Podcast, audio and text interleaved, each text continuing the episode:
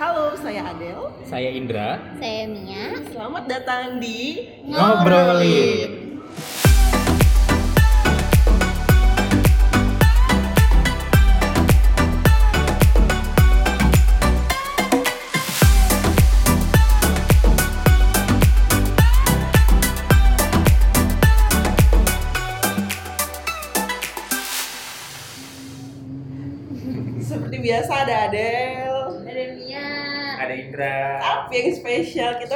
tamu. Beliau adalah tuh dua tiga Kak Eli. Terima kasih sudah mengundang. Welcome on board. Senang banget. Eh, seperti biasa di awal-awal sebelum kita pencet tombol record kak selalu ada pe, apa namanya Apa? eh, prolog-prolog ya. Yang tidak direkam. Yang tidak direkam padahal harusnya itu juga masuk sih ya karena itu sangat eh, menarik sekali. Apa kabar Kak Eli? Kabar baik. Kalian apa kabar? Baik. Senang lihat mukanya happy happy, sehat sehat. Amin. Dan kita eh, sengaja mengundang Kak Eli di sini karena tema kita pada hari ini adalah tentang sejarah Samarinda gitu Kak. Yang mana eh, kita tahu bahwa Kak Eli adalah pemilik dari eh, Galeri Samarinda Bahari. Jadi kita pengen tahu eh, dan juga ngulik-ngulik tentang Samarinda itu sendiri. Eh, sebelumnya kan kita udah ngobrolin tentang banjir, tentang Asal. asap, Piknik keluar kota. ya kan yang itu di mana semuanya ada di luar kota gitu kan akhirnya kita di episode keempat ini balik lagi untuk ngobrolin tentang kota kita tercinta gitu ceritanya Asik asik. Karena tidak semua orang ternyata yang tertarik dengan sejarah. Karena mungkin karena mungkin waktu di sekolah pelajaran sejarah adalah pelajaran yang membosankan. Jadi orang mungkin males kali ya. Padahal sangat menarik kalau kita tahu asal muasal kita dan perkembangannya gimana sih gitu. Asik sih sebenarnya. Aku juga tidak punya background tentang sejarah. Hmm. Eh, dan juga dulu waktu sekolah juga tidak terlalu suka sejarah ya. anak IPA nih ya Sama. Sama. Meskipun aku anak bahasa dan ada sejarahnya, tapi nggak terlalu suka dengan sejarah. Eh, hanya pilihan cerita saja yang aku suka. Nah, sejak memegang Galeri Samarinda Bahari eh, dan ternyata mengulik-ngulik cerita masa lalu, cie cerita masa lalu. oh, ternyata lucu juga ya ceritanya perkembangan kota Samarinda. Ternyata ya kita ternyata cukup unik, eh, cukup spesial di banyak hal. Dan eh, karena kita tahu sejarah kota, kemudian kita mengerti bagaimana perjuangan orang-orang zaman dulu yang angkatan datuk-datuk kita, angkatan kakek nenek gitu. Jadinya mm, kalau aku secara pribadi jadi lebih menghargai eh, kota Samarinda. Sayang kan apa yang mereka sudah usahakan di masa lalu, sayang kalau kita abaikan begitu saja. Kayak gitu. Bisa dipakai untuk bukan berarti kita nggak bisa move on ya dari dari masa lalu, tapi kita jadi tahu eh, ceritanya gimana sih, perkembangannya gimana, yang mungkin bisa kita kembalikan untuk memperbaiki kota Samarinda kan kita bisa lihat dari situ. Kemudian apa yang bisa kita benahi, kita juga bisa lihat dari situ gitu. Tapi apa sih kak? Maksudnya apa sih yang pertama kali membuat KL itu kayak pengen deh buat ini jadi galeri Samarinda Bahari gitu? Apa sih yang mengetuk hati KL? Cih mengetuk Ya. Jadi awalnya itu si foto-foto yang ada di Galeri Samarinda Bahari itu memang milik keluarga. Hmm. Jadi memang mil- koleksi-koleksinya nenekku, koleksinya mamaku, bapakku. eh, di sekitaran tahun 2013 itu aku eh, merasa sayang. Takutnya si foto-foto ini cepat rusak. Hmm. Kalau foto zaman dulu yang angkatan eh, 30-an, 40-an gitu kertas fotonya beda dengan yang angkatan 80-an, 90-an. Eh, kertasnya itu lebih awet daripada eh, apa dia lebih tahan daripada lembab. Eh, tapi dia gampang letek kalau tidak diinikan baik-baik gitu kan. Dan konon sih katanya kalau kertas foto yang seperti itu tahan 100 tahun Oh. kalau memang dijaga dengan baik. Nah, sayang, jadi aku Sabtu Minggu atau pas lagi free aku scan gitu kan. Sayang kalau misalnya nanti lama-lama dia rusak gimana dong gitu. Jadi di scan. Nanti kalau ada waktu lagi di scan. Jadi tersimpan dalam bentuk digital. Oke. Nah, setelah kita lihat di laptop, terus kontrasnya bisa dimainin apa segala macam, Hmm. kita bisa zoom sampai se ini mungkin ya, Hmm. semaksimal mungkin. Oh, ternyata menarik juga. Misalnya ada tulisan yang muncul, mereka kan kalau berfoto, nah kalau zaman dulu kan orang-orang berfoto tuh tidak pertama tidak semua orang punya kamera. Oke. Ya, Benar, benar, nggak benar. kayak kita yang kapan Eh. aja di toilet apa di mana gitu ya selalu bisa foto. Kalau zaman dulu tuh untuk waktu-waktu spesial, Eh, utamanya kalau misalnya hari raya mereka foto bersama atau pas lulusan sekolah mereka foto bersama. Nah, eh, di setiap foto, kalau yang di galeri Samarinda Bahari kebanyakan foto orang, bukan landscape, portrait. Nah, jadi ketika mereka foto bareng tuh mereka di depannya pasti ada papan tulis. Terus ada tulisannya, ah, selamat Hari Raya Idul Adha, tahun hijriahnya berapa? Terus siapa orang-orang yang misalnya Persatuan Istri Islam Indonesia. Nah, ini kayak dia kayak kayak di muk gini. Nah, ini kan ada ada Oh. ininya, ada papan tulisnya gitu. Kalau yang itu kayaknya nggak ada deh. Kalau yang ya, kalau yang itu. Sorry. Nah, jadi kalau dimainin kontrasnya muncul tulisannya ini apa. Jadi oh iya lucu juga ya. Oh ternyata mereka berfoto dalam rangka eh, Idul Adha.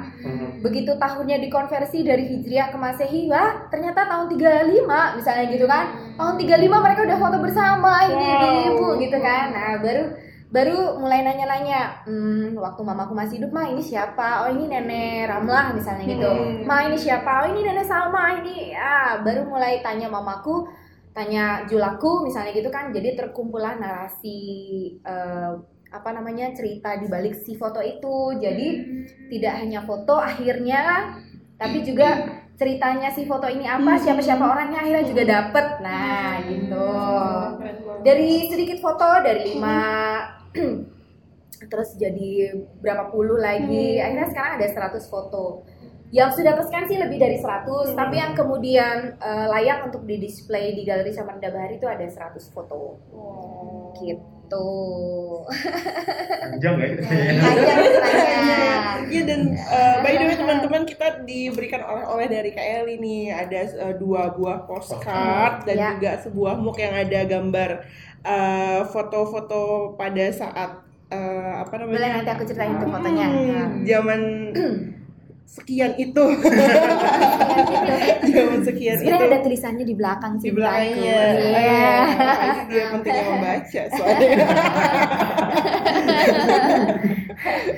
Oke, jadi eh, kita bisa lihat eh, bahwa ternyata di tahun 20-an, 30-an, 40-an itu ternyata kota Samarinda itu sudah bergeliat kegiatan eh, masyarakatnya. Kalau yang eh, laki-laki mereka punya persatuan apa, eh, pemuda eh, ya per- Musik.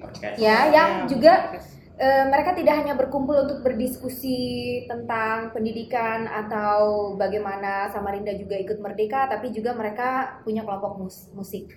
Nah makanya Indra aku kasih yang eh, ya, Nah. yang cocoknya pemuda-pemuda Samarindanya.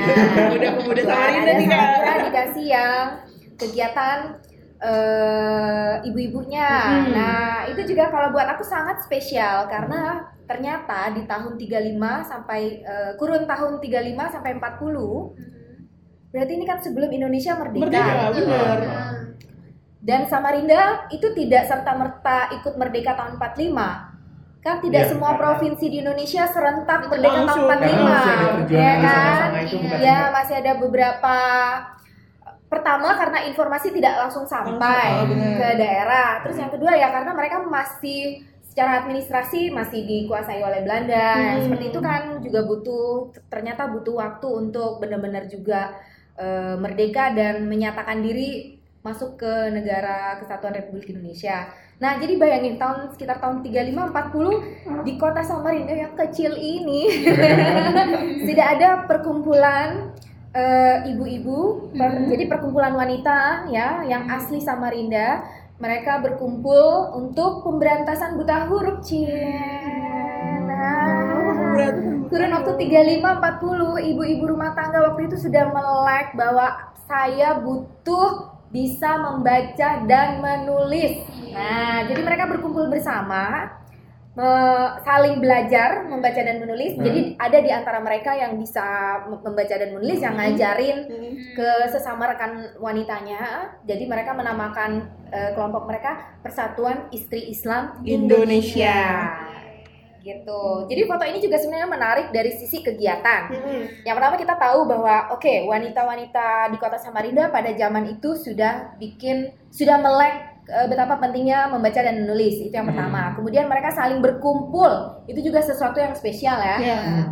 Berkumpul untuk eh, pemberantasan buta huruf. Mm-mm. Kemudian kalau kita lihat lagi eh, ber- gaya bajunya, Iya, janjian. Nah, gaya bajunya mereka masih pakai eh, sarung, Sarung. masih kalau bahasa Banjarnya masih betapihan gitu ya, masih Betapihan. berkebaya, Kebaya. sama semuanya pasti pakai serudung. Iya, Ya, serudung. Heeh. Ya, karena di di zaman itu eh, mereka sudah muslim yang kuat dan memang pamali kalau keluar rumah perempuan tidak pakai penutup, Penutup kepala. kepala. Ya, tapi belum ada istilah jilbab atau yang seperti ini yang kita tahu ya. Jadi mereka masih benar-benar serudung lah.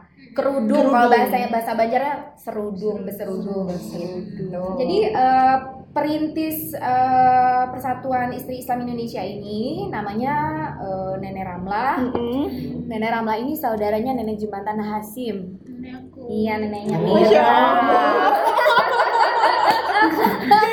Bukan kok namanya kayak nggak asing tadi, iya Kan bener. Ibu Namanya siap. Kalau neneknya Eli, Nenekku, nenekku ini Sa- Hajah Salma. Iya, iya, iya dari Nenek sini. Ini Nenek Ramlah. Ramlah. Gitu.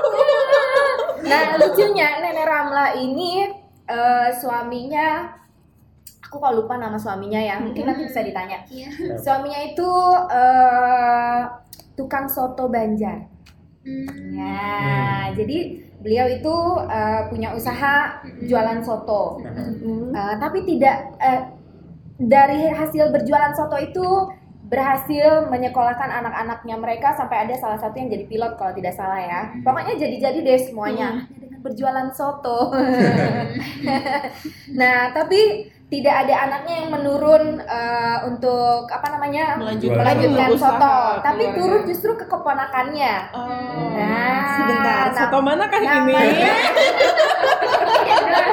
Jeng jeng jeng. Nggak, nggak, nggak, namanya karena ini kan- Ahmad. Ah. Tapi Ahmad ini eh, ada gelarnya di belakang. Dia Heeh. jadi gelarnya DO. Jadi Iya. sekarang Soto Amado.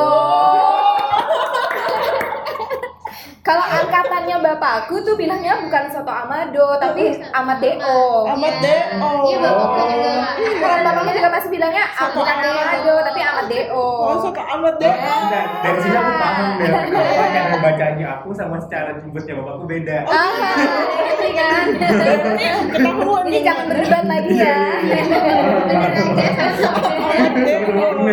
Cara nyebutnya beda.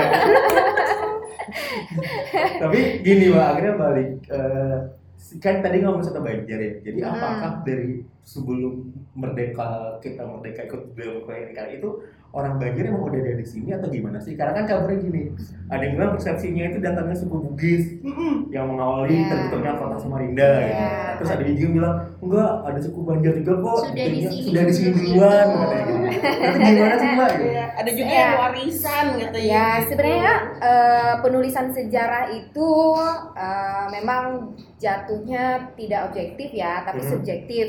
Eh, tergantung siapa yang memberikan apa eh, narasi, kemudian dia juga eh, latar belakangnya menuliskan sejarah itu juga apa gitu kan. Nah, itulah yang dicoba di, di diperbarui oleh eh, aku punya teman namanya Muhammad Sarif. Ya. Nah, si Muhammad Sarif ini yang kemudian banyak mengumpulkan literatur-literatur, kemudian dia membaca ulang bagaimana sih sebenarnya sejarah kota Samarinda Hmm. gitu. Jadilah si bukunya itu Hmm. yang eh, buku Samarinda Tempo dulu, eh, sejarah tujuh zaman kalau tidak salah. Em, kalau dari kalau dari hasil penulisan pen- penelusurannya si Sarif dan dari buku yang aku baca yang tulisan Sarif itu Mm-mm. Eh, dan yang juga aku tahu dari aku masih kecil bahwa eh, kota Samarinda ini memang eh, dari dari dulu tidak hanya satu suku saja ya.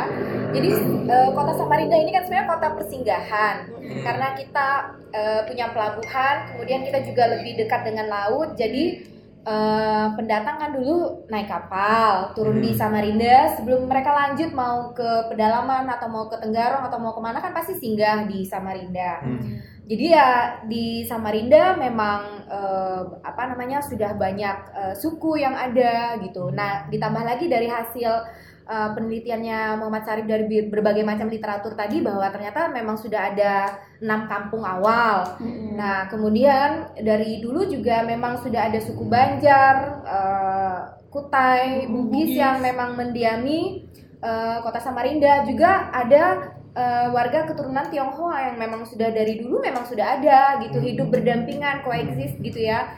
Jadi eh, kalau aku sih secara pribadi nggak mau bilang bahwa kota Samarinda ini ditemukan dan dikembangkan oleh satu suku saja, tapi ya mereka memang dari dulu ya sama-sama memang sudah ada di sini dan memang sudah eh, sama-sama dengan apa kiprahnya masing-masing untuk mengembangkan kota gitu.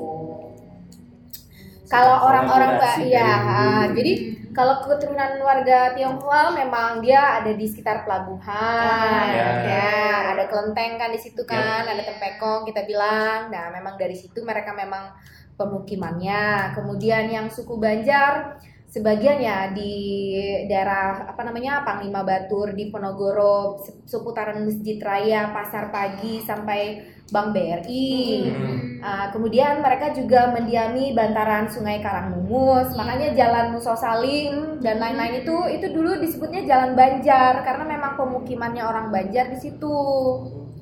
Nah, di situ juga mereka bertani karena eh ya mungkin topografinya memang di situ eh, cocok untuk eh, behuma ya karena kita kan padinya padi kering bukan padi basah kayak di Jawa. Nah, yang keturunan warga Tionghoa itu juga dulu di situ juga mereka juga punya lahan untuk bertani. Jadi nggak cuman kita bilang bahwa eh, apa namanya orang-orang Cina di Samarinda atau keturunan warga Tionghoa itu berdagang saja, tapi mereka juga ternyata eh, bertani gitu. Mereka masih berkuncir belakangnya, terus masih pakai sepatu yang kecil. Itu yang lihat nenek, angkatan nenekku. Ah, gitu. Berarti Kemudian, ya. ini ya susah ketika kita mengaitkan dengan kuliner apa sih yang khasnya gitu. Karena yang sukunya udah nyampur duluan juga. Ya, kan. karena itu tadi intinya adalah Samarinda kota persinggahan, Mhm. sehingga berbagai macam suku memang sudah ada di sini. Uh, kita nggak bisa bilang hanya satu suku saja yang menemukan uh, daerah kota Hmm. Samarinda gitu. Kemudian uh, ini juga dari tulisannya Agus Ferdinand uh, dan aku juga sepakat bahwa Samarinda itu tidak berkembang dari satu titik kemudian menyebar ke daerah yang lain, tapi di dikonfirmasi oleh uh, apa namanya hasil penelitiannya Muhammad Sarif bahwa memang sudah ada beberapa kampung yang tersebar enam kampung paling tidak enam Ya. kampung awal Ya. nah ini seperti mushroom seperti jamur yang tumbuh ya jadi dia tidak di satu titik aja makanya eh, konsep kota di Kalimantan atau terutama konsep kota Samarinda itu tidak mengenal konsep alun-alun kayak di kota-kota Oh, di iya. Jawa Siap. Itu. Iya. Ya. Beda budi oke. budayanya beda jadi cara pandangnya juga beda kalau kota-kota di Jawa mereka punya alun-alun yang jadi patokan laut dan gunung Mhm. ke mana aja kalian pergi pasti patokannya Dari mana sini. laut mana mana eh, selatan mana utara Iya. Iya Bedainnya kan? pasti enak gitu. Ya, di sana kan enak banget Iya, ya. utara, Kita selatan. jalannya juga lurus karena dia tarik garis eh, dari Gunung Merapi ke pantai selatan. Rata-rata kan seperti itu. Mau di Jawa Timur, mau di Jawa Tengah, sampai ke Jawa Barat, pasti patokannya seperti itu dan Kita ada konsep kan? alun-alun ya. Konsep alun-alun kalau di eh, apa di di Europe, di Eropa mereka juga punya konsep square. Jadi dia memang square, alun-alun kan juga bentuknya square. Tempat orang-orang juga berkumpul gitu. Tapi kalau di Samarinda nggak ada. Kalau mau berkumpul di masjid, ya kan? Kalau mau berkumpul nggak di masjid ya di pasar ada nggak kita lapangan yang kalau ada apa-apa orang berkumpulnya di situ? Nggak ada. Ya orang kalau ada ada apa berkumpulnya di memang kegiatan utamanya adalah masjid. Makanya masjid juga dekat dengan pasar. Hmm. Hmm, hmm, sama kayak di negara-negara timur tengah masjid pasti sampingannya pasar. Hmm. gitu. Jadi konsep kita seperti itu kalau kota. Jadi kalau mau ditanya titik nolnya kota Samarinda ada di mana mana ya nah karena kita juga eh, pemukiman kita juga munculnya apa mulainya dari sungai dari bantaran sungai jadi ya memang ya karena sungai menjadi pertama alat transport apa transportasi utama kan sungai Hmm. kemudian menjadi sumber air utama karena kita kan nggak nggak ada konsep eh, gali sumur Iya. Iya, Kayak di betul, Jawa. betul. Nggak semua air kan kita Nah. ambilnya dari Dari sungai, sungai. gitu kan konsep gali sumur dan irigasi kan masuk ketika eh, pendatang dari Pulau Jawa yang datang. Itu yang memperkenalkan konsep irigasi dan eh, gali sumur kan. Kalau kita kan nggak semua semua semua dilakukan di sungai. Makanya rumah-rumah awal kan juga berdirinya kan di atas eh, Sungai. sungai kan gitu. Nah kalau orang nah angkatannya mamaku dan julaku tuh kalau bilang misalnya eh, bilangnya kalau mau bilang da, ke arah sungai mereka bilangnya ke laut laut ya. Ah. Itu yang Eh, kalau mereka mau pergi ke daerah yang menjauhi sungai, mereka bilang ke darat. Iya. kita. Bingung kan? Karena orang tua aku masih Iya. pakai mbak. Aku ke laut dulu lah, jangan laut, mana Laut, laut. Samarinda ada laut. Sebenarnya kan Iya. yang generasi sekarang patokannya tuh utara timur barat gitu kan. Iya. Sih? Iya. Tapi kalau hilir apa hilir sama hulu aku tahu konsep Ya, kalau kita kalau konsep ke hulu, ke hilir ada, Iya. konsep ke laut, ke darat. Nah, gitu. Oke. Jadi kita nggak ada konsep eh, ngalor ngidul gitu. Nggak ada. Ngomong iya. Lucu kan? Ya, ya menarik juga sih. Ternyata aku juga jadinya make sense ya, masuk akal. Oh, iya iya iya iya. Kita juga memang ah, berangkatnya dari memang eh, apa namanya masyarakat sungai ya. Hmm. Nah, kemudian ngobrolin lagi tentang eh, sejarah Kota Samarinda. Memang pemukiman awal memang di, seba- eh, di bantaran Sungai Mahakam. Hmm. Eh, kemudian sama di bantaran dari Ma- muara Sungai Mahakam masuk hmm, bantaran Sungai Karangmumus ya sepanjangan Hmm. itulah ya orang-orang pada bermukim kemudian dia yang menyebar aja ke mana nah kemudian eh, Sungai Mahakam dan Sungai Karangmumus ini kan ada anak-anak sungainya lagi yang Hmm. masuk ke kota Samarinda jadi di situlah orang-orang juga eh, berdiam atau bermukim Nah, eh, banyak sebenarnya anak-anak sungai yang masuk di kota Samarinda. Mm-mm. Jadi, eh, misalnya nih, aku tinggal di Amadahlan. Eh, itu dulu namanya Pinang Babaris sampai ke Sungai Pinang. Pinang Ya. Babaris itu dari Sebatik, Imam Bonjol itu Pinang Babaris. Nah, begitu masuk Amadahlan sampai ke Sungai Pinang ya itu Sungai Pinang. Hmm. Kenapa dibilang Pinang Babaris ya karena dulu banyak pohon pinang Pinang, berbaris-baris. Ya. Nah, di yang sekarang jadi trotoar rumahku di depan rumahku itu, itu tadinya anak sungai. Jadi katanya nenekku dari Sungai Mahakam atau Sungai Karangmumus itu ya masuk aja perahu kecil Hmm. melewati depan rumahku. Hmm. Nah, lewatannya itu eh, ada di Jalan Diponegoro itu juga lewat. Jadi zaman dulu rumahnya si nenek-nenek ini eh, di depan rumahnya kalau memang ada sungai bes- anak sungai atau parit besar ya. Kalau kita sekarang bilangnya parit besar. Kalau mereka dulu kan ya bilangnya anak sungai. Hmm. Nah, dari jalan raya ke rumah mereka itu eh, jembatan apa ada jembatan. Nih jembatannya yang Ah, Oke. Mungkin- kayak kayak jembatan-jembatan di Venesia Iya, gitu. kalau sambil Nah. dibayangkan ya. Ledang kali ya, Iya. sama kita seberang. Ya, kenapa jadi begini ya? Karena di bawahnya mesti lewat kapal, kapal kecil atau perahu-perahu kecil, bukan kapal ya, perahu kecil gitu. Kemudian kayak di Jalan Agus Salim yang trotoarnya besar yang sisi klinik matahari. Hmm. Heeh. Nah, itu kan anak sungai. Terus aku waktu masih kecil sempat dong belajar berenang di situ di samping-samping jamban gitu. Pengalaman banget. Kalian nggak ada kan yang gitu ngalamin. berenang dari ujung sini cek, ke depan. Nah, gitu. Nah, itu eh, anak sungai. Tapi kemudian perkembangan modernitas kota Kemudian kita mengenal konsep pelebaran jalan dan penutupan anak sungai eh, berubah jadi parit besar, kemudian di atasnya ditutup jadi trotoar. Hmm. Nah, kalau kita tahu sejarahnya di mana saja sih anak-anak sungai di kota Samarinda, kita jadinya mengerti kan oh di situ jalur lewatnya air Air. di situ sebenarnya drainase utamanya kota Samarinda dengan memahami bagaimana mereka dulu alamiahnya seperti apa kemudian berkembangnya jadi seperti apa dengan pemahaman seperti inilah kita sebenarnya bisa memperbaiki memperbaiki contoh memperbaiki drainase kota Samarinda. Yang seharusnya memang di situ harusnya lewatan air Mm-mm. tapi karena dikecilin dan ditutup ya mau jalanan itu mau ditinggiin mau sampai berapa meter kalau itunya tidak dibenahi ya sama aja bohong gitu.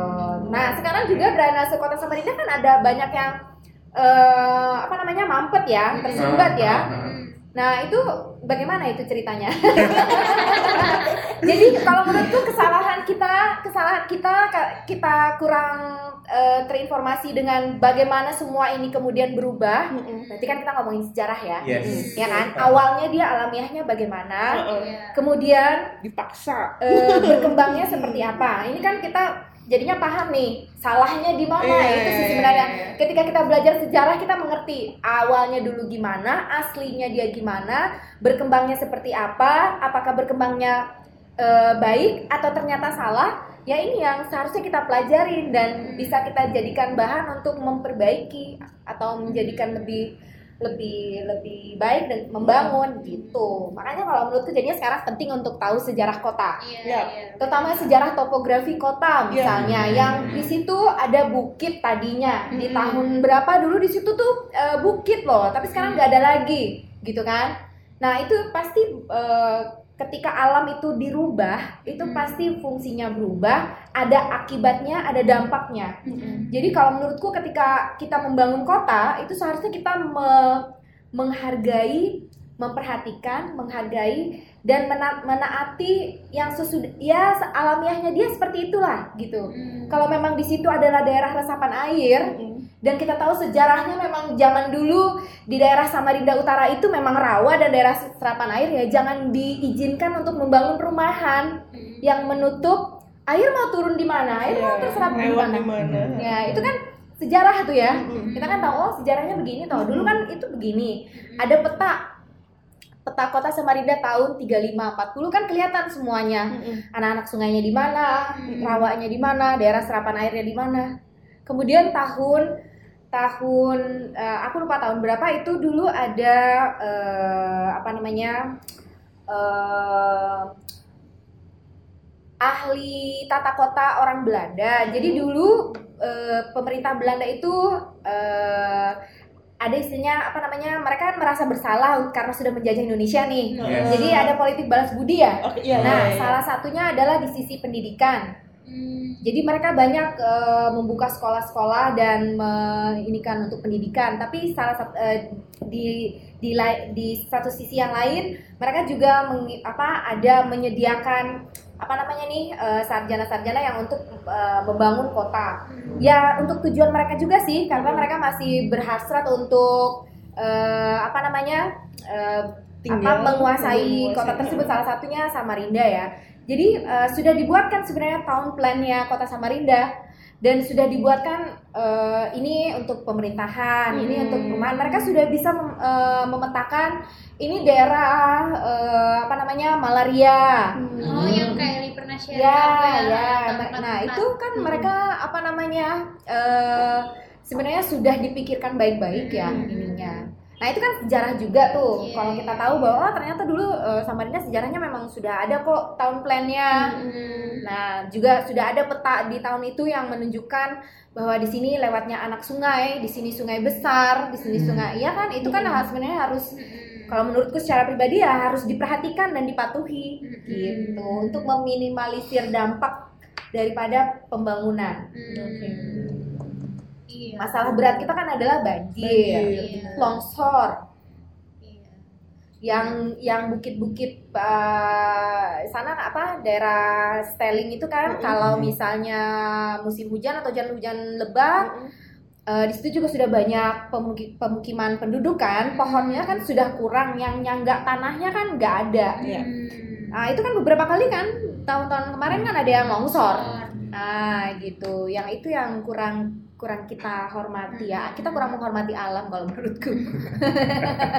Iya, jelas-jelas kotanya kan udah berkembang itu berkembang dan penduduknya pun berperilaku dari bentaran sungai itu kan. Ya. Terus pada saat pengembangan mungkin perkembangan kota gitu ada yang berubah dari eh, sisi bentaran sungainya yang awalnya ini Hmm, gitu ya Jadi mungkin kita bisa dengan mempelajari sejarah kota, kita kan jadi tahu itu tadi kita jadi tahu kan. Nah, tadinya bagaimana, kemudian dia berkembangnya seperti apa, salahnya di mana, itu yang bisa di di mana kita akhirnya bisa perbaiki. Mungkin ada yang bisa kita kembalikan ke ke aslinya seperti apa gitu ya. Nah, tapi mungkin oke lah karena mungkin sudah nggak bisa diapain lagi, tapi kan kita juga tahu oh dia salah eh, ininya kesalahannya tuh di sini loh. Jadi bisa lah kita pikirkan jalan keluarnya.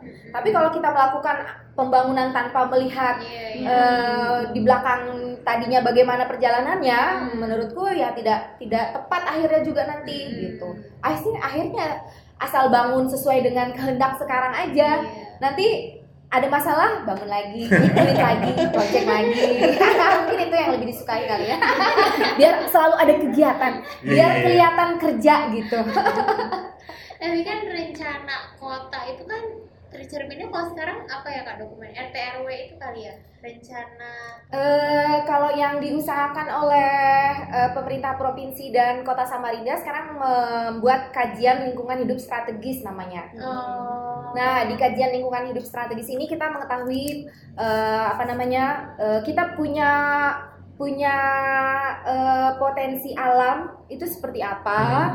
Kemudian yang eh, potensi alam kita yang strategis itu di mana aja? Misalnya Palaran ternyata cocok untuk eh, eh, bertani ya karena tanahnya subur, dia potensi untuk pertaniannya kuat.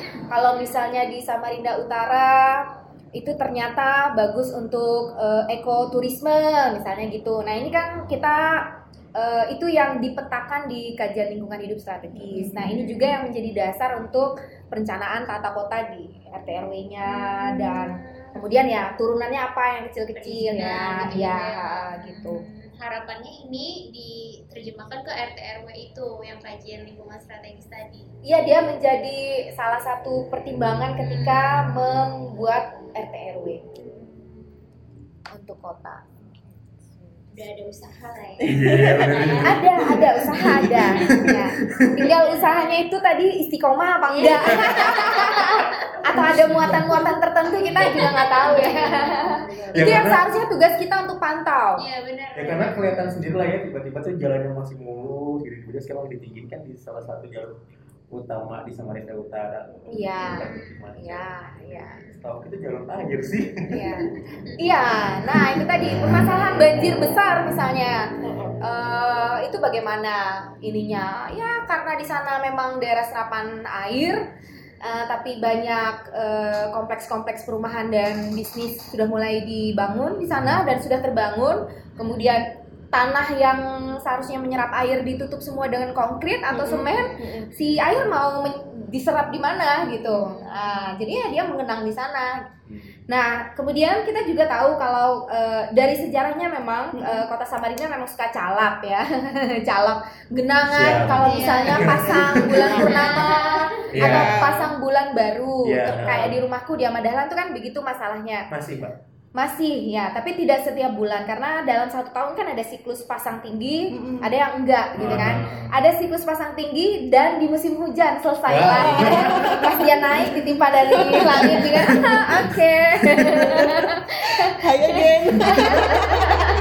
Nah, kalau orang zaman dulu eh, rumahku ta, waktu aku masih sampai aku TK tahun 83-an tuh masih rumah panggung. Jadi bawahnya tuh kolongan. Itu yang menyiasati eh, kalau misalnya calap. Nah, gitu. Tapi kemudian tahun 85-an ke atas tahun 90-an kan eh, gaya rumahnya beda yang pilar-pilarnya kayak pilar Romawi. Hmm. Kemudian dia nggak lagi eh, ada kolongannya di bawah karena kalau rumah kolongan itu berarti kan eh, rumah kampungan gitu kan. Padahal dia punya eh, punya apa namanya tuh local wisdomnya sendiri kenapa dia rumahnya kolongan gitu kan. Rumah kolongan kan atau rumah panggung kan eh, khas Kalimantan. Ya memang untuk menyiasati kalau misalnya ada pasang itu tadi ya. Uh, kemudian dia juga apa namanya uh, supaya aman dari binatang-binatang liar kan gitu. Kemudian dia kayu juga, kayak pilihan-pilihan kayunya juga yang seperti apa, bentuknya kenapa kenapa atapnya seperti ini, kenapa Segitiga. atapnya segitiga, nggak yang nggak kayak rumah-rumah di Arab yang nggak ada atapnya, kotakan kayak semua aja. ya. Itu karena menyiasati curah hujan misalnya, Oh, oke. terpaan angin ya kayak gitu-gitu. Jadi orang zaman dulu itu eh, Sudah memikirkan dia ya. punya ininya juga gitu kan dan mereka mungkin karena lebih lebih lebih dekat dengan alam jadi mereka bisa bisa menyiasati itu kan. Kalau kita kan sekarang lebih dekat dengan wifi. Bener.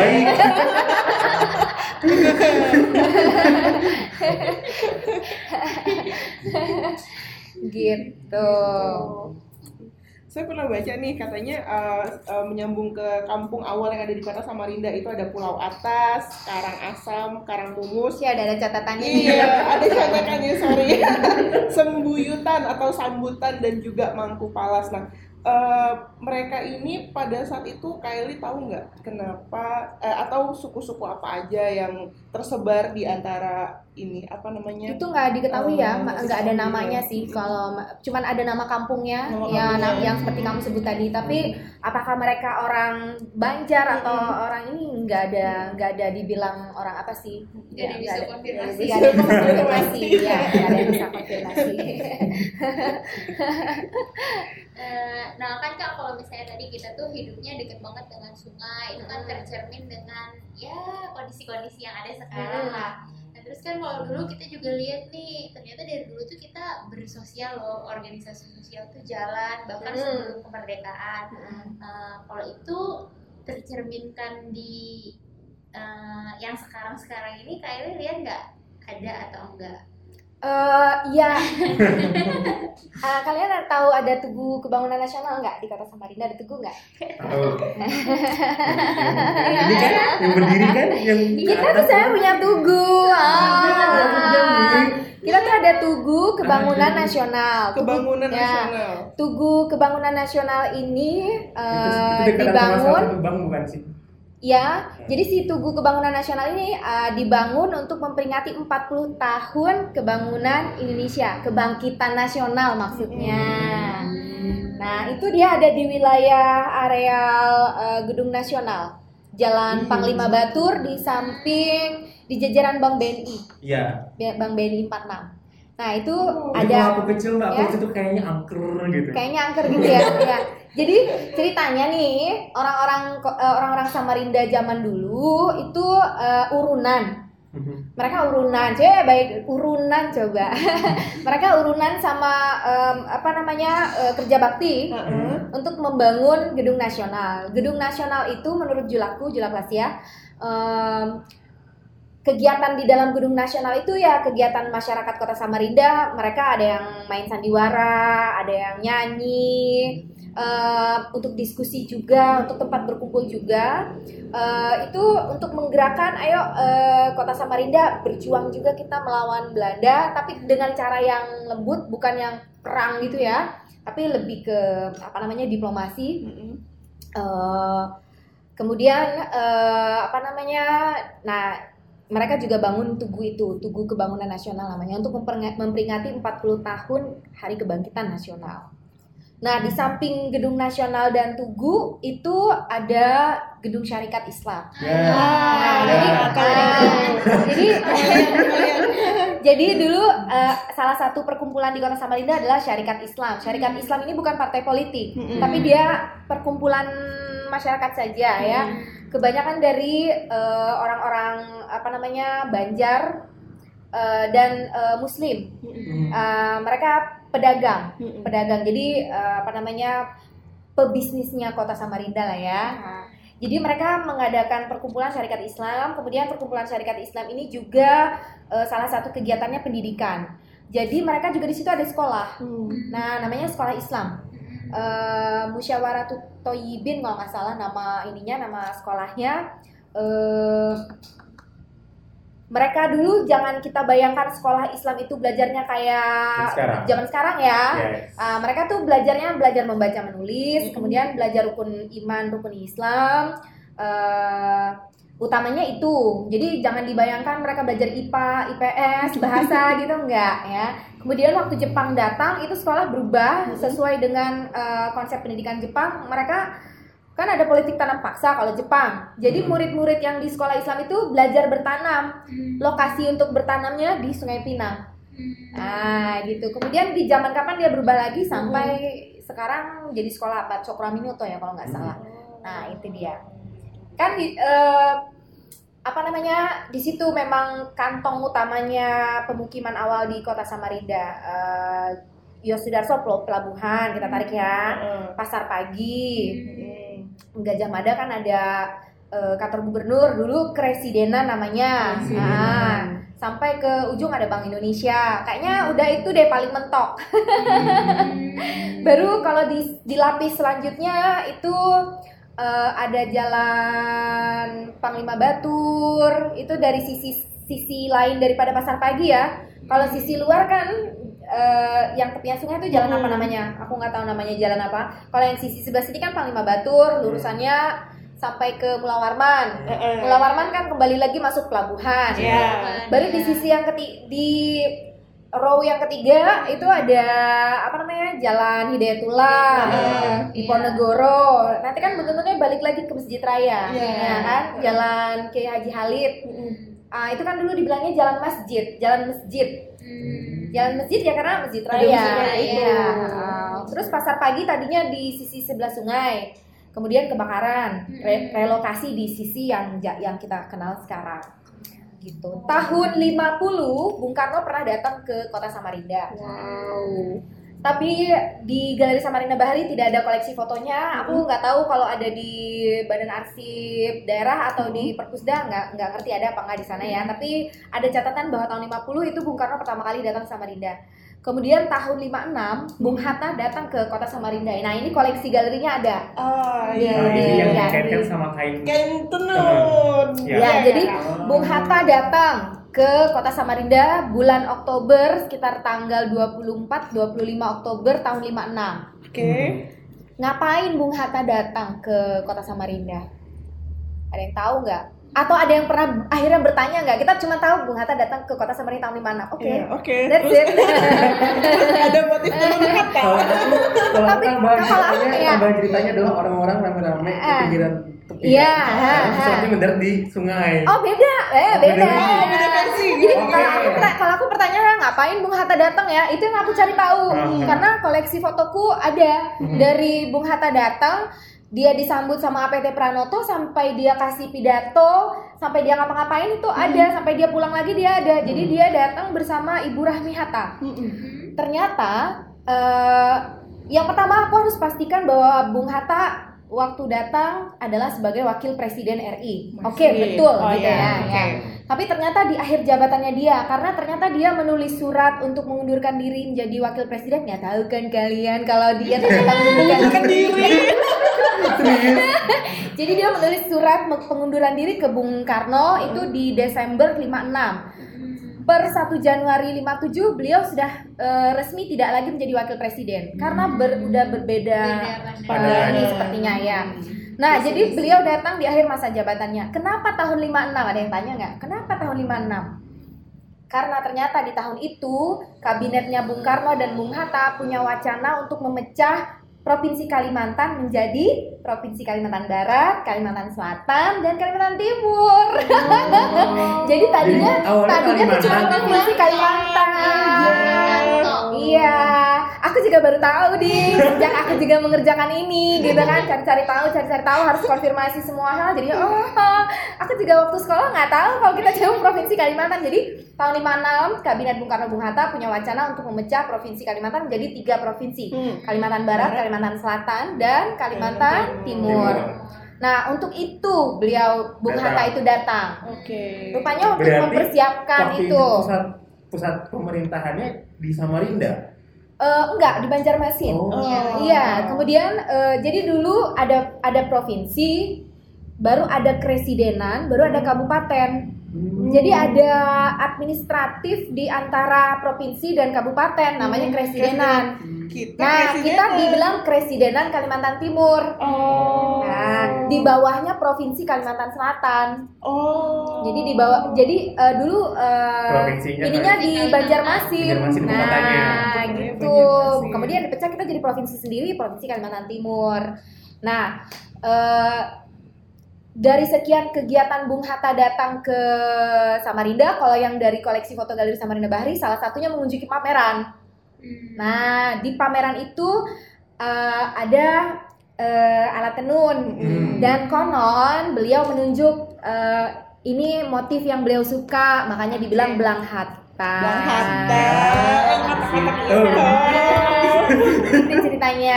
Kemudian eh, tanggal berapa kita resmi jadi provinsi Kalimantan Timur itu tahun 57 Iya, bulan iya. Januari ya. Januari. Tanggalnya lupa. Tanggalnya Dua satu. Eh, Kalau nggak salah Dia 17 ulang tahun ya. 17 Januari itu eh, ulang tahun Kota Samarinda. Hmm. Kalau untuk provinsi aku lupa. provinsi. Ya, aku kalau tanggal-tanggal tuh agak susah tahu. Tahun masih ingat, bulan masih ingat. kalau tanggal, tanggal ulang tahun orang-orang tertentu aja. sih. Selebihnya aku enggak. Too much information. Kemudian, nah jadi tahun 57 ketika Kalimantan Timur resmi menjadi provinsi, Mm-mm. itu Bung Karno datang. Hmm. Bu- beliau datang, Datang lagi ya beliau datang di bulan Juli eh, tahun 57 nah beliau datang naik pesawat Cessna Mm-mm. Catalina namanya Hmm. Pesawat sorry pesawat Catalina eh, itu bukan Cessna. Itu pesawat amfibi dia turun di tengah sungai. Kalau ini berdasarkan cerita bapakku. Jadi aku dengar langsung dari almarhum bapakku bahwa Bung Karno turun eh, eh, di tengah sungai Mahakam. Dari Hmm. situ beliau naik kapal eh, naik di eh, pelabuhan. Mm-mm. ya di Batang. Kalau kalau zaman dulu orang tuh bilangnya Batang. Iya. Mm-mm. bukan Daerahku Bat juga jadi sebut itu. eh, Batang itu tidak diasumsikan sebagai kosakata yang jelek kalau Ya, dulu ya. Yes. kalau kalau kemudian setelahnya generasi saya Batang. Itu kayaknya eh, kampungan banget deh Cia karena sudah modern ceritanya kan. Padahal ya itu tadi eh, perubahan makna ya jadinya perubahan perspektif jadi turun di Batang kemudian beliau diarak eh, dari eh, pasar pagi eh, Jalan Yosudarso masih masuk ya kemudian eh, beliau eh, beliau dulu nginapnya di rumah jadi ada rumah di yang sekarang jadi apa tuh Telok Lerong Garden. Teluk Lerong Garden. Ah, iya Oh, iya iya. iya. iya. Ah, sekarang ada ada monumen apa? Monumen kapal klotok ya? Iya. Iya. Ini ada lagi nih, Mbak. Terus ada pohon besar, Iya, ada yang pohon besar. besar, ya. Nah, di situ dulu ada rumah, Rumah. rumah yang punya itu eh apa namanya eh banker, banker, bankernya Kota Samarinda. Aku lupa namanya Ta- Haji Talib apa siapa gitu yang punya rumah itu. Jadi beliau dulu nginapnya di situ, Bung Karno. Eh, kemudian beliau juga em, datang ke Gedung Nasional untuk eh, memberikan orasi atau pidato. Nah itu ada fotonya Galeri Samarinda Bahari ada Bung Karno ngelewatin Tugu, Hmm. Tugu Kebangunan Nasional masuk ke Gedung Nasional itu ada. Nah itu ceritanya.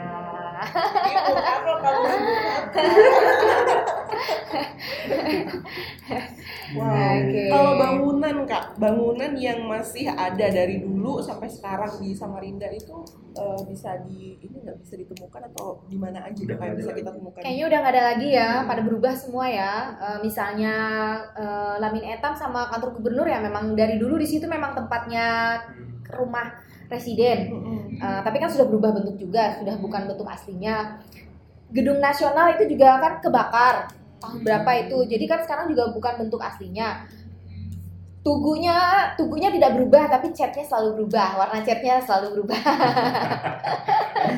Kalau dari sisi uh, cagar budaya kan nggak bisa dijadikan cagar budaya kan, karena dia sudah jauh berubah dari bentuk aslinya.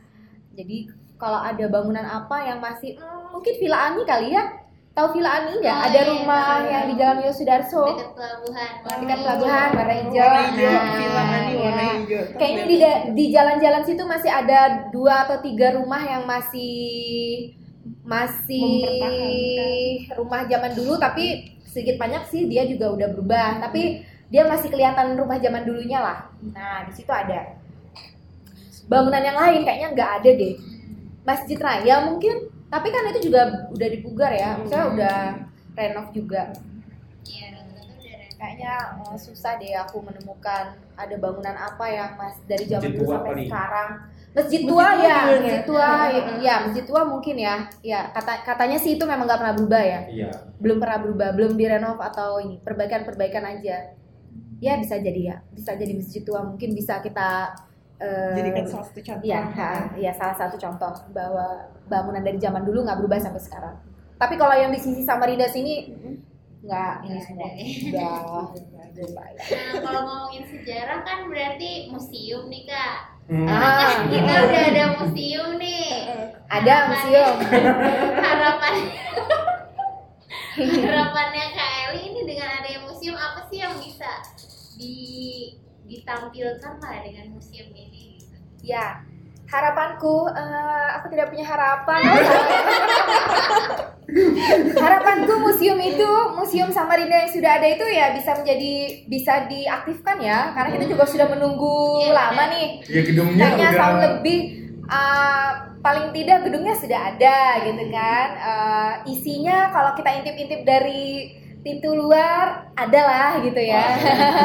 Tapi belum dibuka dan kegiatannya mana Uh, harapanku dalam waktu dekat pemerintah kota Samarinda bisa mengadakan lembaganya dan organisasinya kan butuh lembaganya nih Hmm. orangnya kan ke- kepala museumnya Hmm. kemudian Kurator- ya kuratornya ya kuratornya yang yang menjalankan kegiatannya lah dan harapanku juga museum bukan hanya sebagai tempat untuk menyimpan barang-barang lawas Hmm. Hmm. Um, konsep museum sekarang kan udah reformed udah kalau dulu ya sejarahnya museum museum itu dibangun aduh.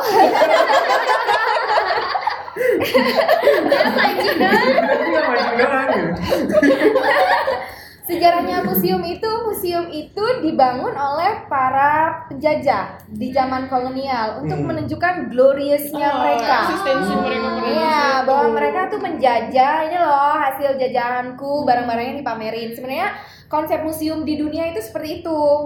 Untuk memamerkan, ya, ha, gitu. Jadi eh eh, mereka mencoba mereformasi konsep museum dengan eh, membawakan cerita. Misalnya konten museum eh, itu harus interaktif komunikatif. Jadi dia tidak hanya jadi tempat display yang orang datang melihat udah tapi dia bagaimana dia bisa eh, berinteraksi dengan pengunjung ya. Bagaimana bisa mengkomunikasikan baik sejarah budaya sosial budaya ekonomi dan lain-lain gitu.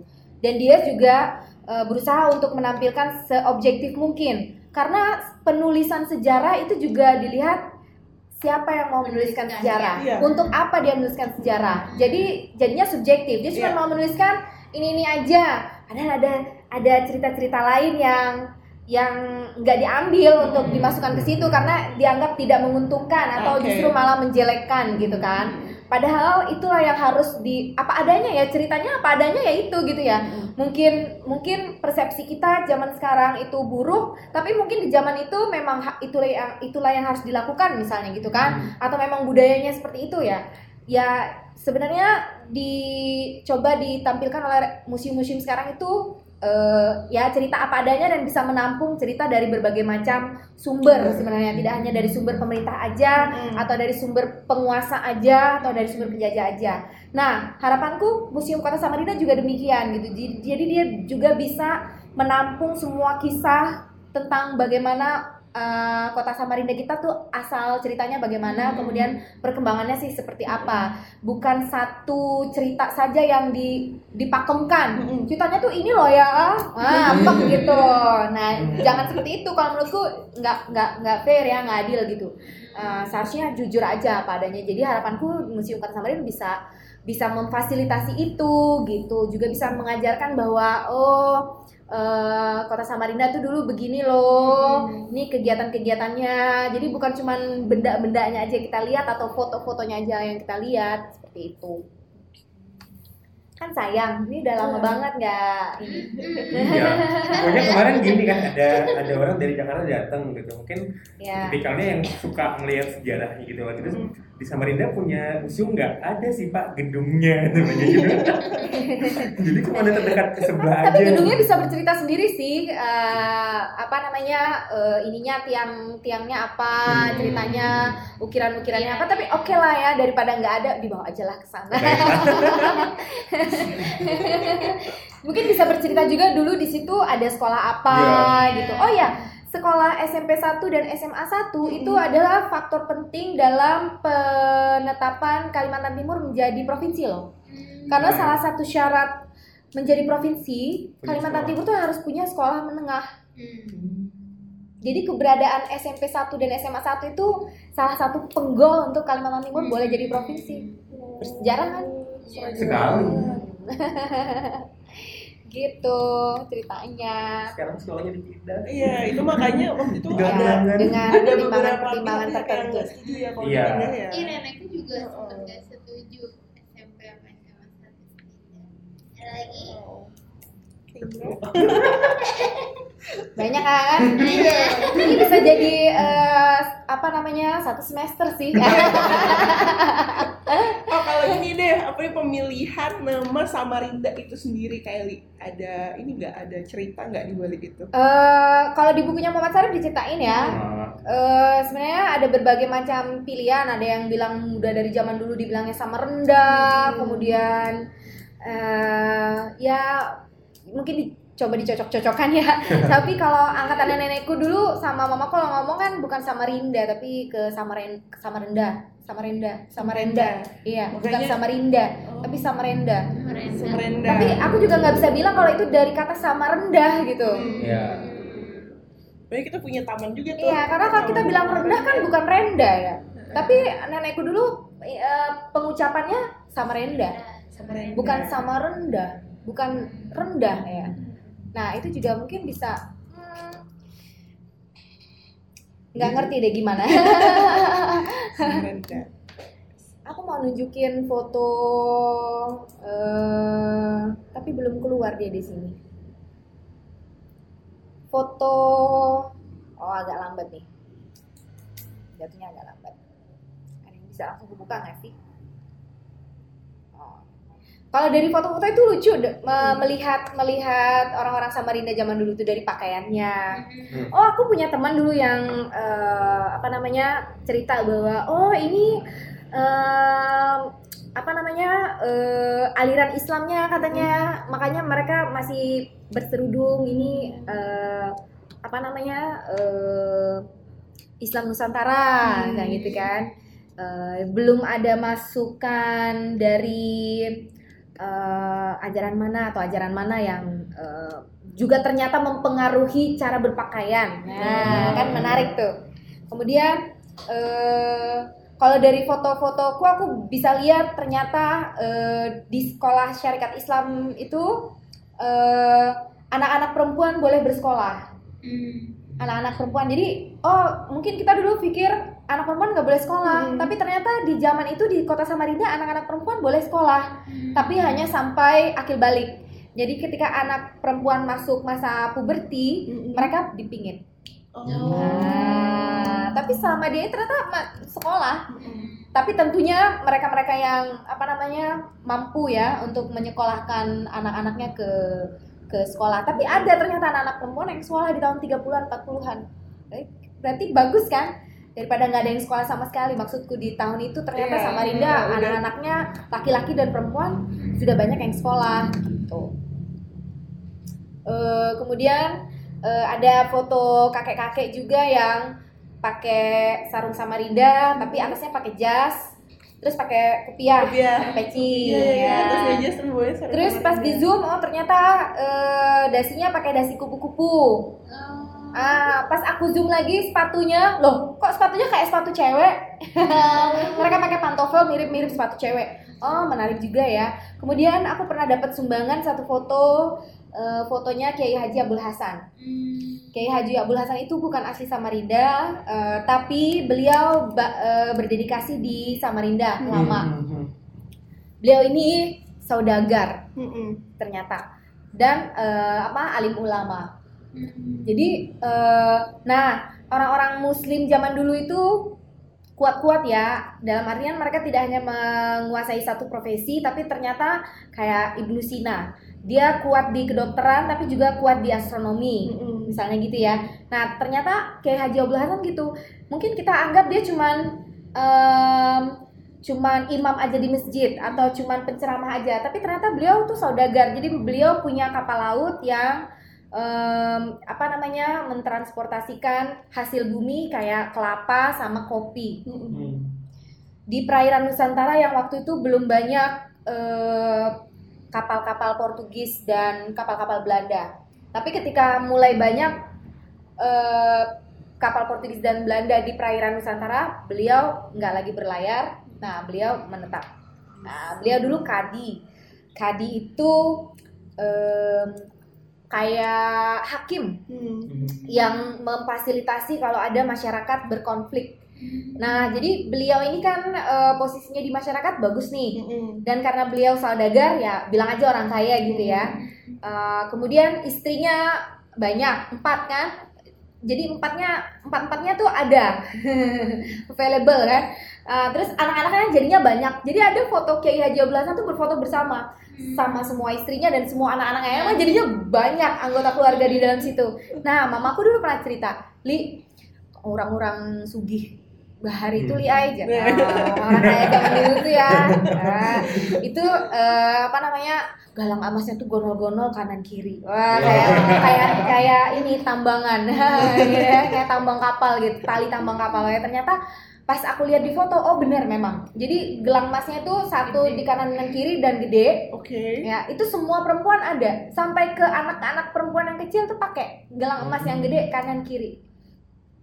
Oh ya bener ternyata. Gitu. Ya menarik sih. Jadinya kita lihat bahwa oh cara berpakaian kemudian eh, keluarganya seperti apa. Meskipun istrinya empat ternyata rukun-rukun aja ya. Anaknya banyak ternyata ya rame juga gitu kan ya.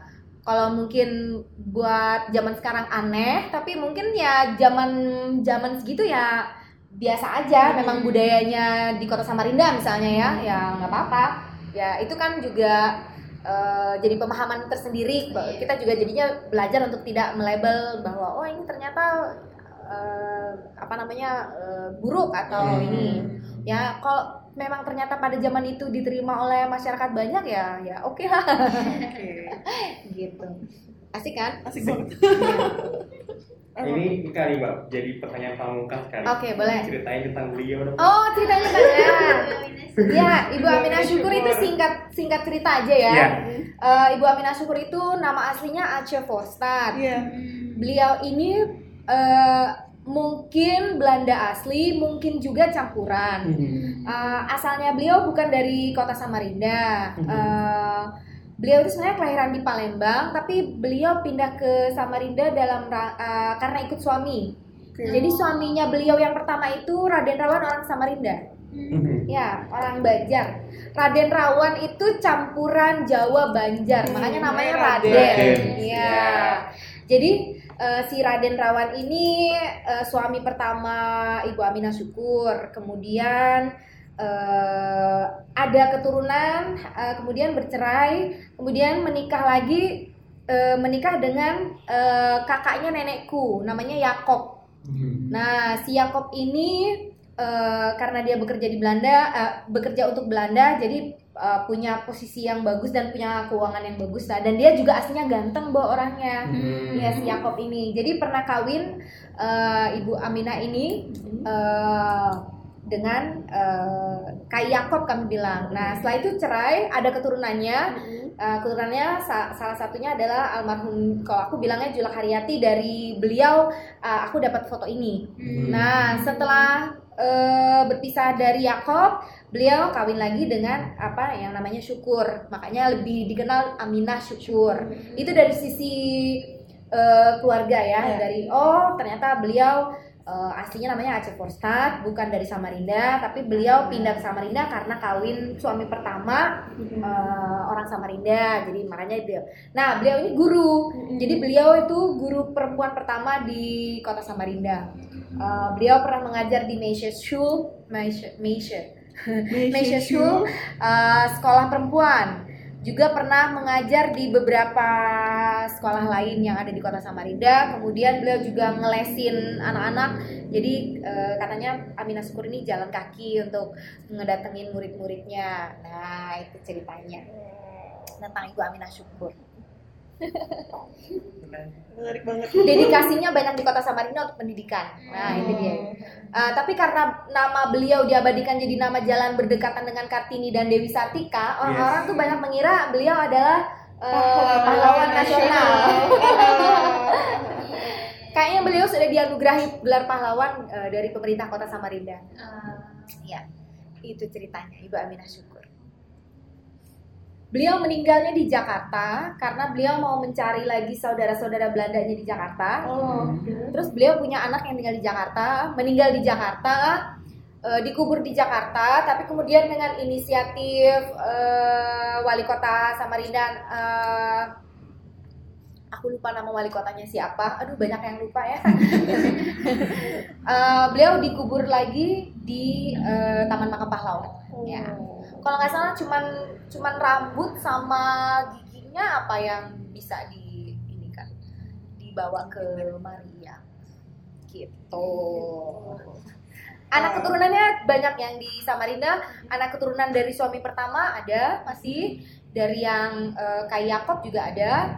Ah, itu banyak banyak banget ah, anak turunannya. Dari yang syukur juga banyak Ba- eh, di Samarinda dan di Jakarta. Gitu. Itu Aminah syukur.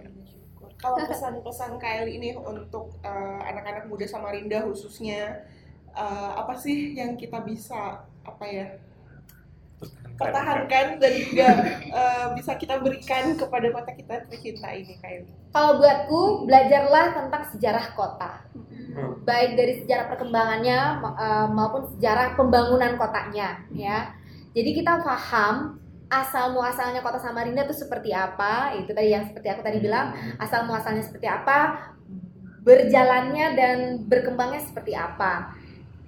Yang menjadi masalah bisa kita carikan jalan keluarnya dari memahami bagaimana dia perjalanannya dari dulu sampai sekarang ya kan? Itu satu. Terus yang kedua apa yang perlu dipertahankan?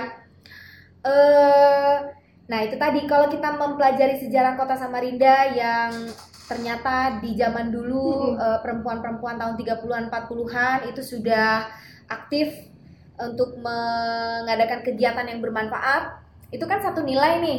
Mau zamannya nenekku dan datuku aja mereka belajar membaca dan menulis ya.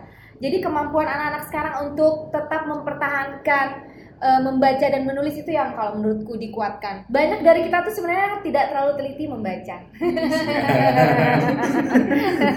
Ya kalau ngelihat teks yang banyak-banyak buku yang tebal-tebal itu sudah ah nggak tahan. Karena kita sekarang lebih banyak visual ya. Semua lebih gampang ya video semua dari yang yang yang visual lah. Tapi kalau yang teks gitu jarang. Nah mungkin itu salah satu yang menurutku eh, dipertahankan kemudian apalagi Eh, budaya-budaya lokal yang bermanfaat lah ya supaya nggak hilang. Yang unik-unik apa sih? Makanan mungkin eh, seni budaya gitu ya. Ya itulah yang kita pertahankan supaya nggak hilang aja. Karena eh, kita suka dengan hal-hal yang baru yang lama ditinggalkan. Ini kan nanti sayang aja gitu. Apalagi kalau misalnya dia tidak dituliskan atau dia tidak difasilitasi di museum. Mm-mm. ini di mana mencarinya gitu kan? gitu. Menarik banget. Terima kasih banyak Kak Eli. Kalau aku punya cita-cita pengen punya rumah lagi yang pakai konsep rumah panggung. Ah. Amin. Yang ah, lebih lebih apa namanya lebih ramah lingkungan tapi tentunya dalamnya keren ya Iya. mimpiku itu mimpiku yang lain itu tadi eh, apa namanya uh, ada satu tempat yang memfasilitasi uh, sejarah dan uh, cerita sosial budayanya Kota Samarinda seperti apa, yang interaktif dan komunikatif. Tidak hanya untuk dilihat saja kemudian dilupakan atau ha, biar merasa ya aja udah pernah ke sana gitu sayang juga kan, tapi dia bisa menjadi pusat uh, belajarnya orang Samarinda. Iya sih, mungkin itu dulu deh uh, cerita kita bersama Iya. atau Iya. obrolan kita. Jadi berapa dengan berapa jam ini? Kayaknya ini nggak ada yang perlu diedit deh, kayaknya langsung bikin mudah-mudahan tadi waktu waktu mau ngejelasin eh, si pendengar nggak bosan ya? Enggak, sih, enggak deh. Kita aja terpana banget dengerin Kelly. Ya menarik sih buat aku secara pribadi menarik karena eh, aku juga mencari-cari ceritanya juga sendiri gitu ya dari yang tadinya nggak tertarik. Ya ampun kita kan zaman dulu ini banget ya namanya sejarah tuh eh, males banget ya. Tapi ternyata ya itu tadi karena kegiatan untuk galeri Samarinda Bahari aku mencari-cari oh ternyata lucu juga ya ceritanya begini oh ternyata menarik juga ya apa yang sudah diusahakan oleh orang-orang zaman dulu. Jadinya sayang kalau kita mau mengabaikan apa yang sudah diusahakan orang-orang zaman dulu. Orang-orang zaman dulu loh eh, yang laki-lakinya berkegiatan demikian, yang Hmm. wanita-wanitanya berkegiatan demikian. Eh, mereka mengusahakan Samarinda merdeka, kemudian membangun kota Samarinda. Kan sayang kalau kita yang zaman sekarang tidak tidak mengisinya dengan yang bermanfaat. Ya menurutku itu. Jadi eh, apa namanya lakukan saja terbaik yang terbaik dari kita sesuai dengan porsi dan tugas dan kapasitasnya masing-masing. Baiklah, terima kasih Mbak Ili. Terima kasih. Lain waktu kita akan ngobrol lagi ya Kelly. Siap. Boleh ngobrolin hal yang lain lagi masih Iya, banyak ya. Masih banyak. Kemarin dikasih list Silakan dan ya, dan juga terima kasih kepada pendengar ngobrolin pastinya jangan sampai lewatkan banget ini dari awal sampai akhir ngobrol bareng sama Kak Eliason tentang sejarah kota Samarinda. Sayangnya kita harus pamit untuk diri. Terima kasih Kak Terima kasih semuanya. Terima kasih iya. Terima kasih Kak Indra. Kita jumpa lagi di episode berikutnya. Yeay. Yeay.